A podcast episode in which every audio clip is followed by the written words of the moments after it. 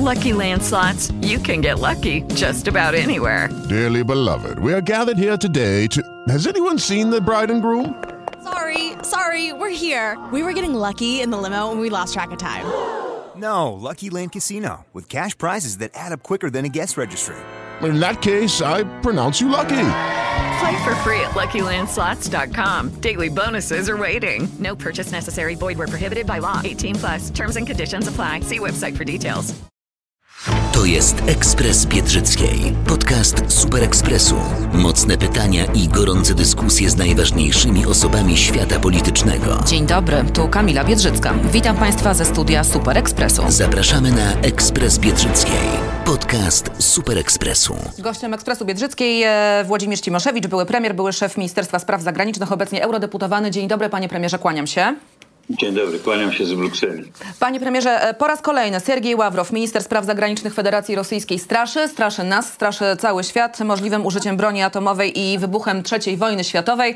E, Mówi tak, obecnie ryzyko użycia broni jądrowej jest znaczne. Nie chciałbym sztucznie go wyolbrzymiać, choć wielu by tego chciało, ale niebezpieczeństwo jest poważne, realne i nie wolno nam go lekceważyć. Na ile, panie premierze, według pana e, to jest znana i zgrana już poniekąd retoryka Rosjan, a na ile realne zagrożenie?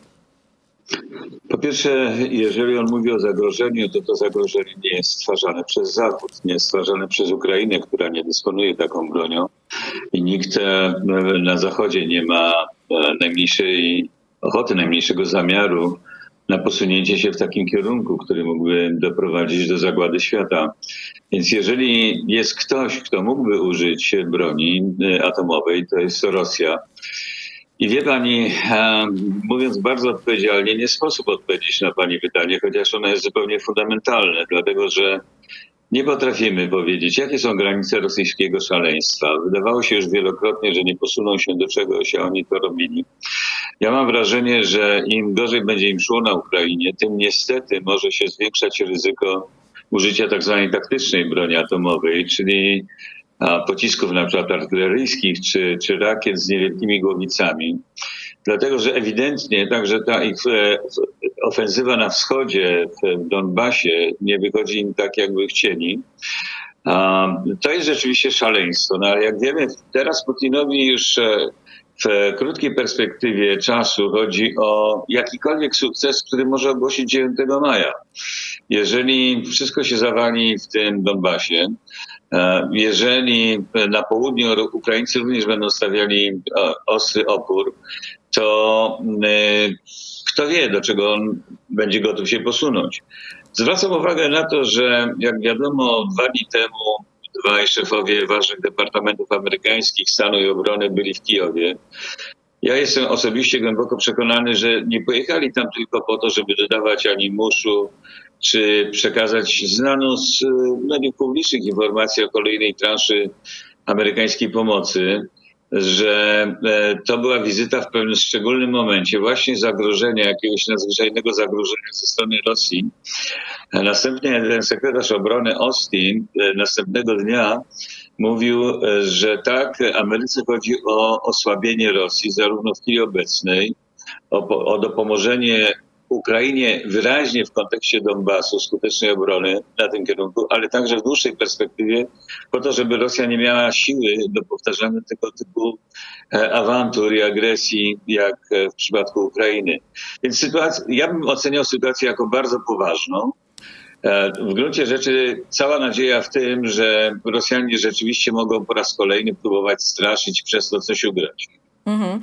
E, Ławrow mówi też tak, jak w każdej sytuacji użycia sił zbrojnych oczywiście wszystko skończy się porozumieniem, ale jego parametry zostaną określone przez kolejne etapy działań wojennych. To rzeczywistość uwarunkuje to porozumienie. Czy to jest e, taka pewna, e, panie premierze, formuła szantażu ze strony Federacji Rosyjskiej? Albo odpuścicie i się dogadamy, albo nie odpuścicie i nie wiemy, co się wydarzy. Tak, chociaż w gruncie rzeczy on powiedział coś oczywistego w obecnej sytuacji, dlatego że niepowodzenie wielu już rund negocjacji ukraińsko-rosyjskich dowodzi tego, że tą drogą najprawdopodobniej jeszcze przez długi czas nie dojdzie się do żadnego porozumienia. E, I wszystko wskazuje na to, że to Rosji nie zależy, że Putinowi nie zależy.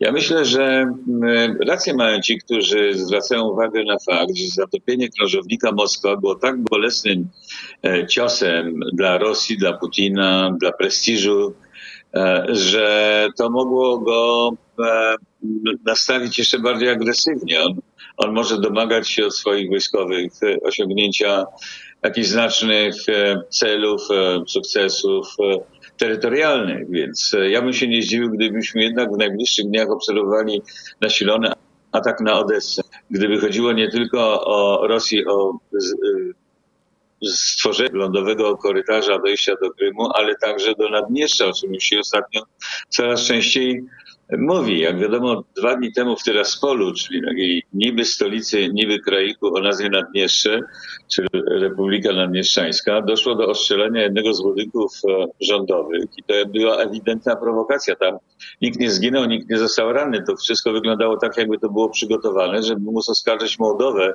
o zorganizowanie, albo Zachód o zorganizowanie mhm takiego, co by uzasadniało, zdaniem Rosjan, atak w tamtym kierunku.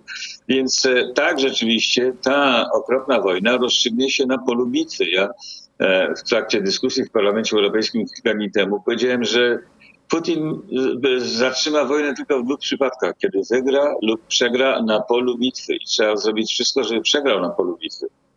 No właśnie, bo y, troszkę teraz kontynuując to, co pan mówi, ja chciałam zapytać, czy uważa pan, że y, Ukraina w jakikolwiek sposób powinna zmienić swoje postępowanie, swoje nastawienie, y, swój sposób walki? Mówiąc krótko, czy powinna odpuścić dla dobra ogółu, bojąc się poniekąd trochę tego szantażu Moskwy, czy absolutnie nie? Czy właśnie Putin rozumie, tak jak się od zawsze mówi, co już jest truizmem, jeżeli ja to po raz kolejny powtarzam, ale muszę w tym kontekście, tylko język siły i językiem siły trzeba z nim rozmawiać? Proszę Pani, no oczywiście po pierwsze Ukraińcy mają wyłączne prawo decydowania o tym. Po drugie, ja w pełni rozumiem ich e, pełen determinacji opór, bo tutaj chodzi o przyszłość ich państwa. Jeżeli oni dzisiaj, jak pani określa, odpuściliby, czyli co, zgodziliby się na okrojenie ich terytorium o niezwykle ważne obszary, albo przemysłowe, jak te Donieck i Ługańskie, albo e, podstawowe, mające podstawowe znaczenie dla komunikacji ze światem, dla handlu ukraińskiego, jak Mariupol czy inne porty e, nad e, Morzem Czarnym, e, Odessa. Więc chodzi właśnie o przyszłość państwa ukraińskiego. Bez tych terytoriów Ukraina będzie kaleka. I chodzi tutaj zarówno o pewien nastrój, powiedziałbym, taki patriotyczny, wzmożenia patriotycznego, obrony ojczyzny, ale chodzi o absolutnie fundamentalne interesy na przyszłość.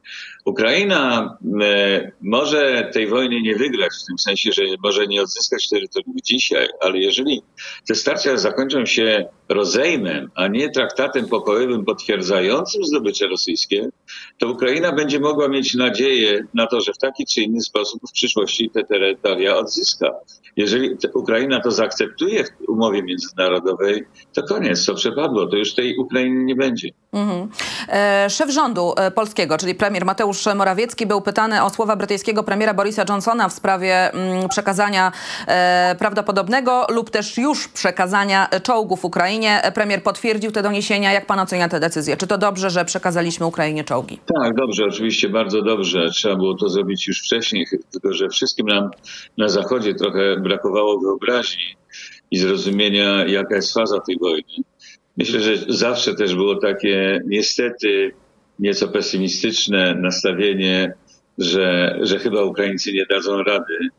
E, no ale oni dają radę.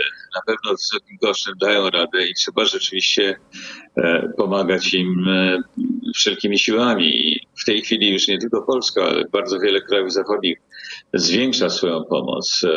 Ta pomoc w postaci broni ciężkiej, ale także w postaci niezbędnych Ukrainie samolotów i rakiet przeciwokrętowych rozstrzygnie o tej fazie wojny. Mhm.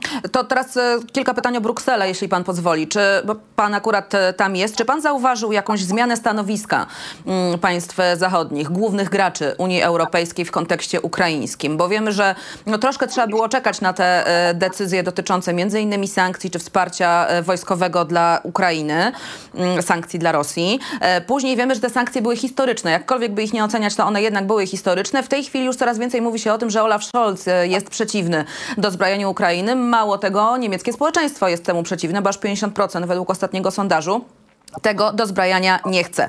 E, Macron wygrywa wybory, drugą kadencję. Wcześniej nie do końca jednoznaczny w stosunku do Putina, nawet zostawił sobie furtkę do ewentualnych dalszych rozmów. Czy pana zdaniem tutaj cokolwiek się e, zmieni? E, czyli dwa wątki. Najpierw Niemcy, panie premierze, a później Francja. To znaczy, czy jak, w jakikolwiek sposób pana zdaniem Macron się zradykalizuje, wiedząc, że już ma w kieszeni tę drugą kadencję?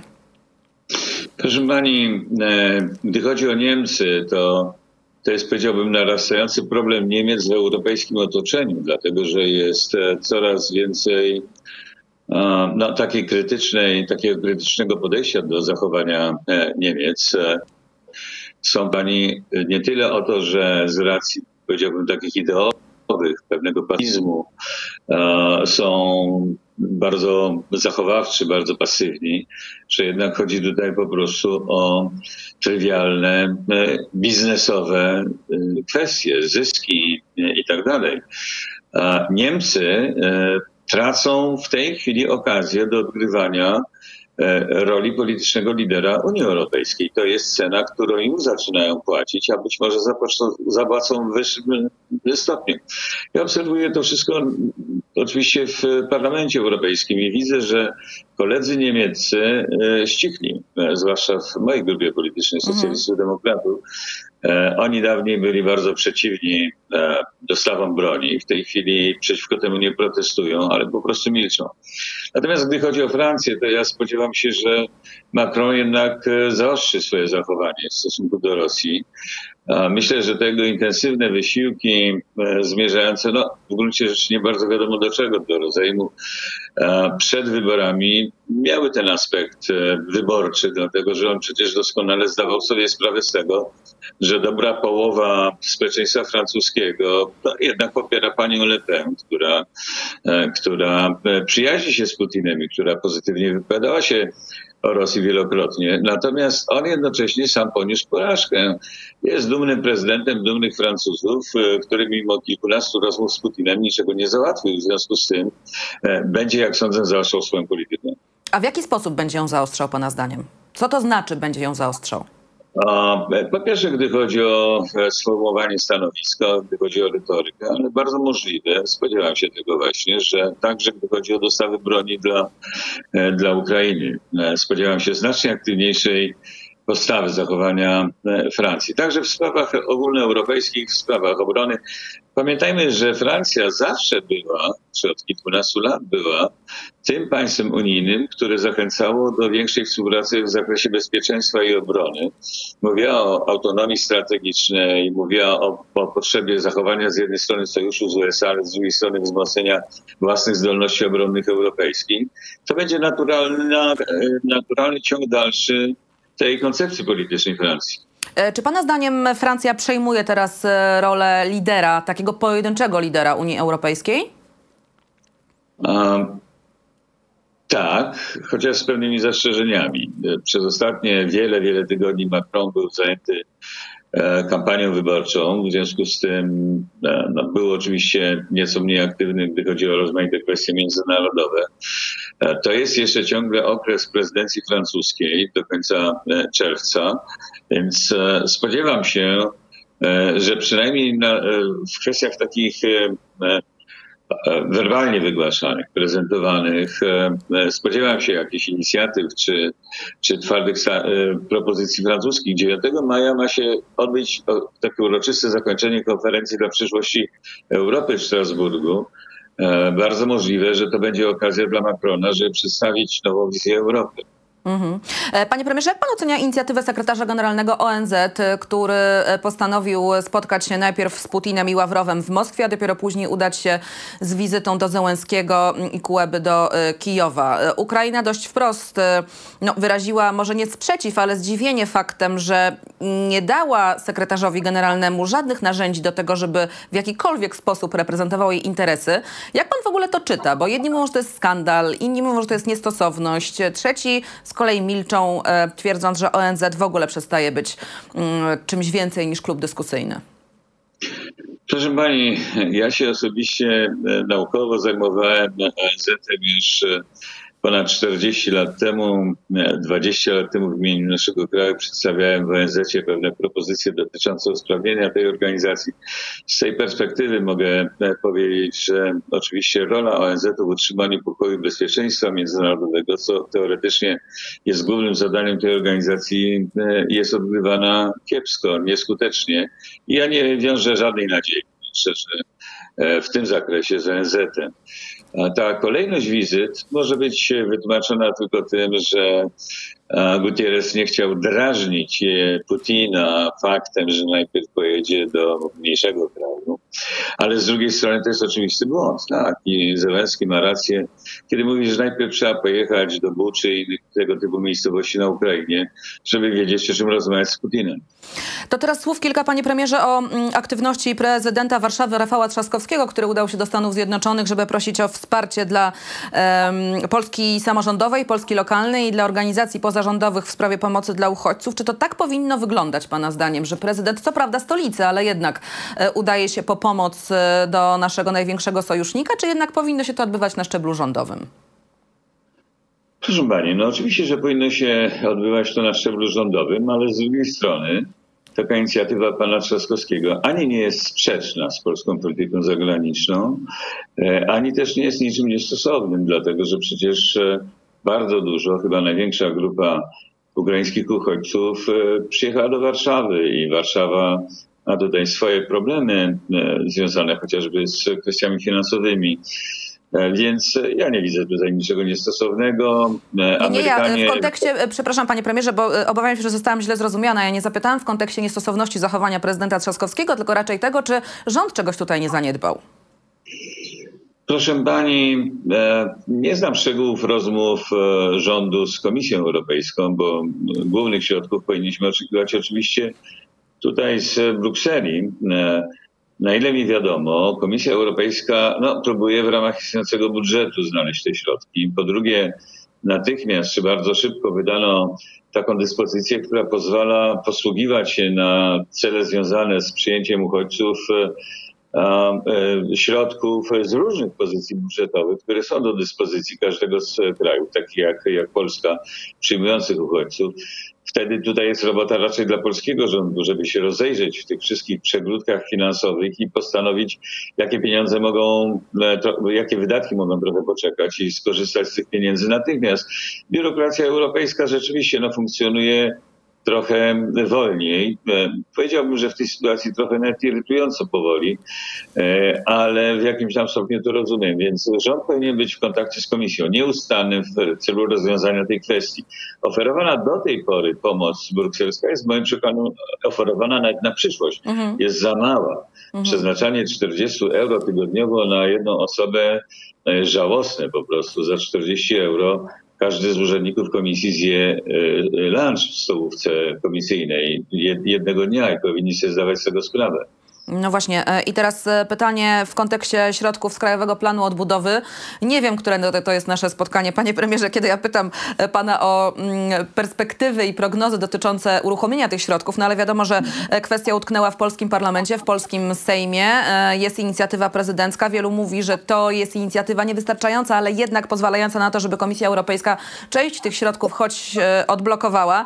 No ale pojawia się problem, bo nie ma znów większości mm, w Zjednoczonej Prawicy dla tego projektu. Sprawie sprzeciwia się bardzo konsekwentnie e, Zbigniew Ziobro i jego akolici. Dzisiaj Ryszard Terlecki, wicemarszałek Sejmu, mówi, no, że albo poprze e, Ziobro ten projekt prezydencki, albo e, wybory jesienią tego roku, czyli wcześniejsze, przedterminowe wybory.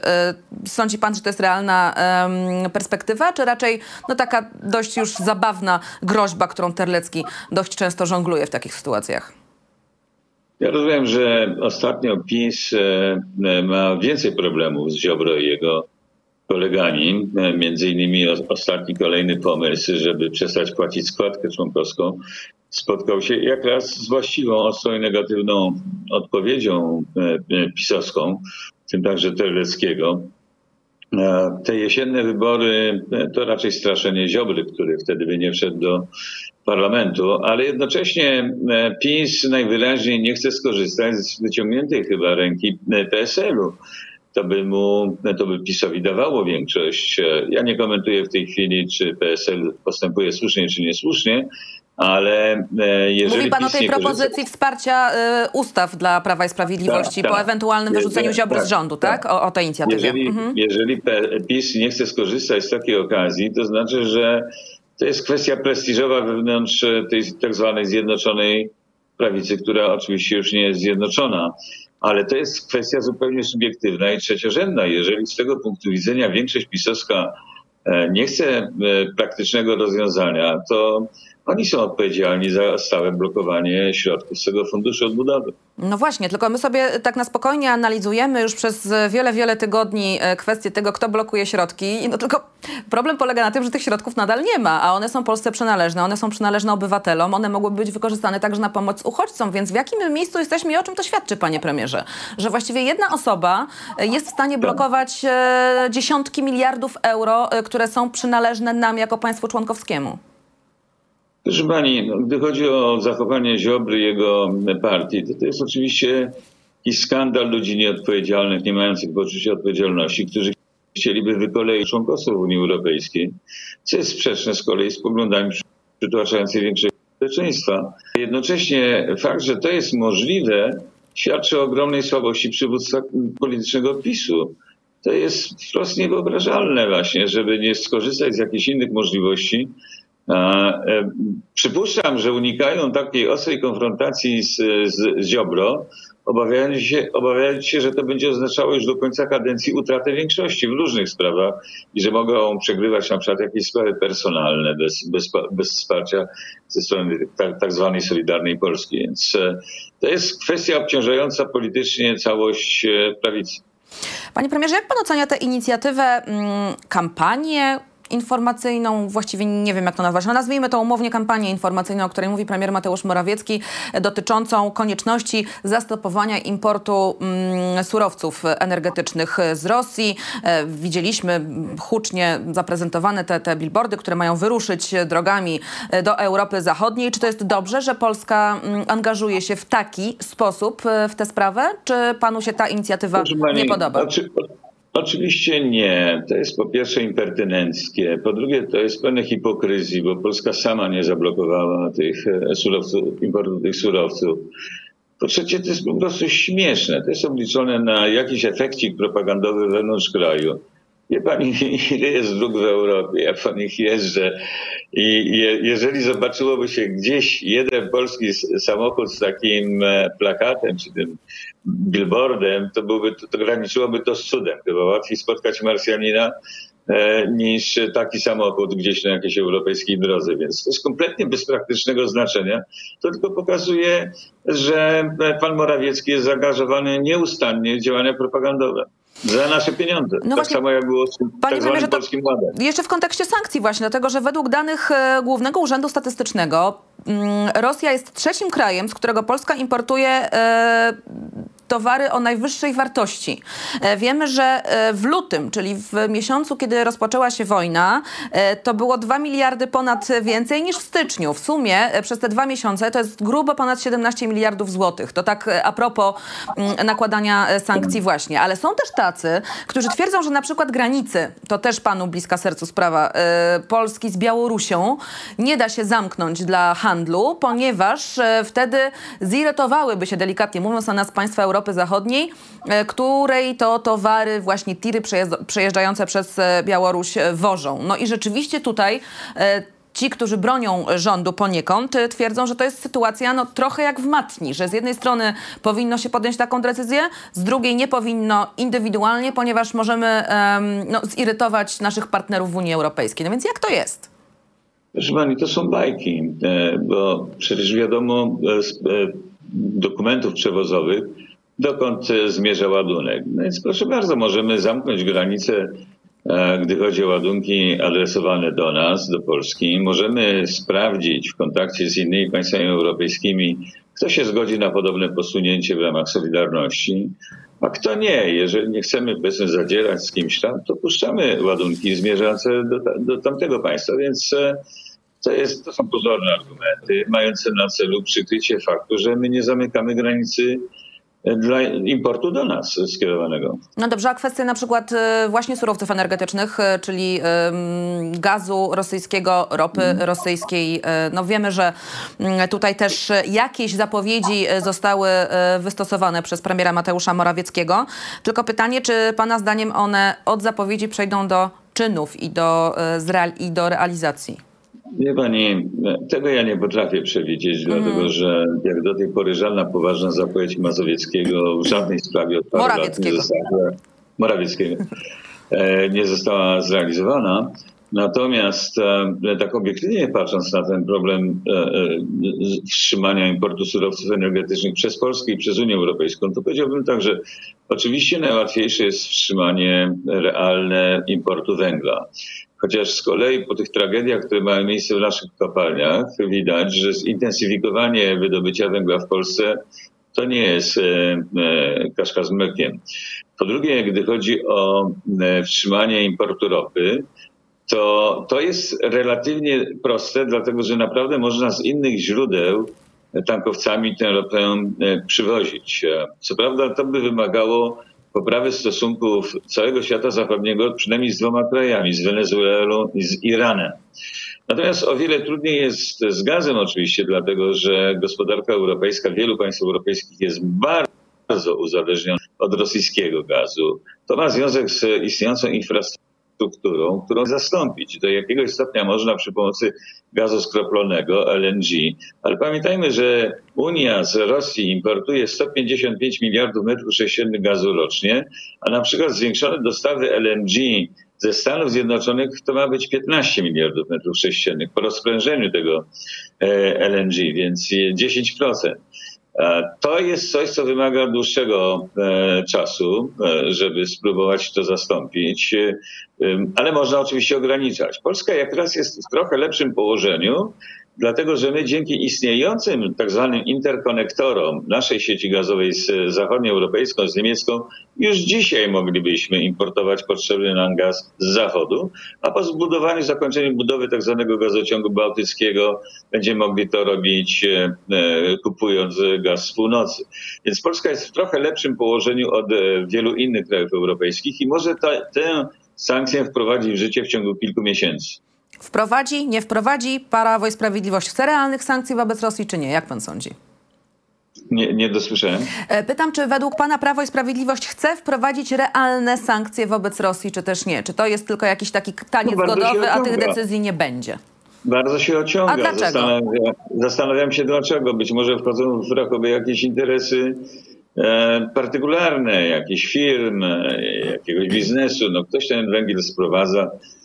Pamiętamy, parę lat temu sprowadzał to człowiek, który stał za aferą podsłuchową, wykorzystywaną potem przez PiS przeciwko Platformie Obywatelskiej. Więc e, no, szczegółów tego wszystkiego nie znamy. Szkoda, że to nie są e, wydarzenia jakby transparentne. Opinia publiczna powinna doskonale to, e, to wiedzieć. No nie podejrzewam oczywiście, nie, nie chcę już twierdzić, że PiS jest prorosyjski w gruncie rzeczy mimo wszystkich deklaracji, dlatego się tak zachowuje. Pewnie jest im łatwiej trochę e, zachowywać się tak oportunistycznie. Włodzimierz Cimoszewicz, były premier, obecnie eurodeputowany. Panie premierze, bardzo dziękuję za to spotkanie. Jak zwykle pozdrawiam. Dużo zdrowia, do zobaczenia. Dzięki. Wzajemnie. To był Ekspres Biedrzyckiej, podcast Super Ekspresu. Zapraszam na kolejne spotkanie w Ekspresie Biedrzyckiej. Pozdrawiam bardzo serdecznie. Kamila Biedrzycka. Rozmowę znajdziesz także w Super Ekspresie. w internecie i gazecie. Hello, it is Ryan, and we could all use an extra bright spot in our day, couldn't we? Just to make up for things like sitting in traffic, doing the dishes, counting your steps, you know, all the mundane stuff. That is why I'm such a big fan of Chumba Casino. Chumba Casino has all your favorite social casino style games that you can play for free anytime, anywhere with daily bonuses. That should brighten your day a little. Actually, a lot. So sign up now at chumbacasino.com. That's chumbacasino.com. No purchase necessary. Group. Void were prohibited by law. See terms and conditions. 18 plus.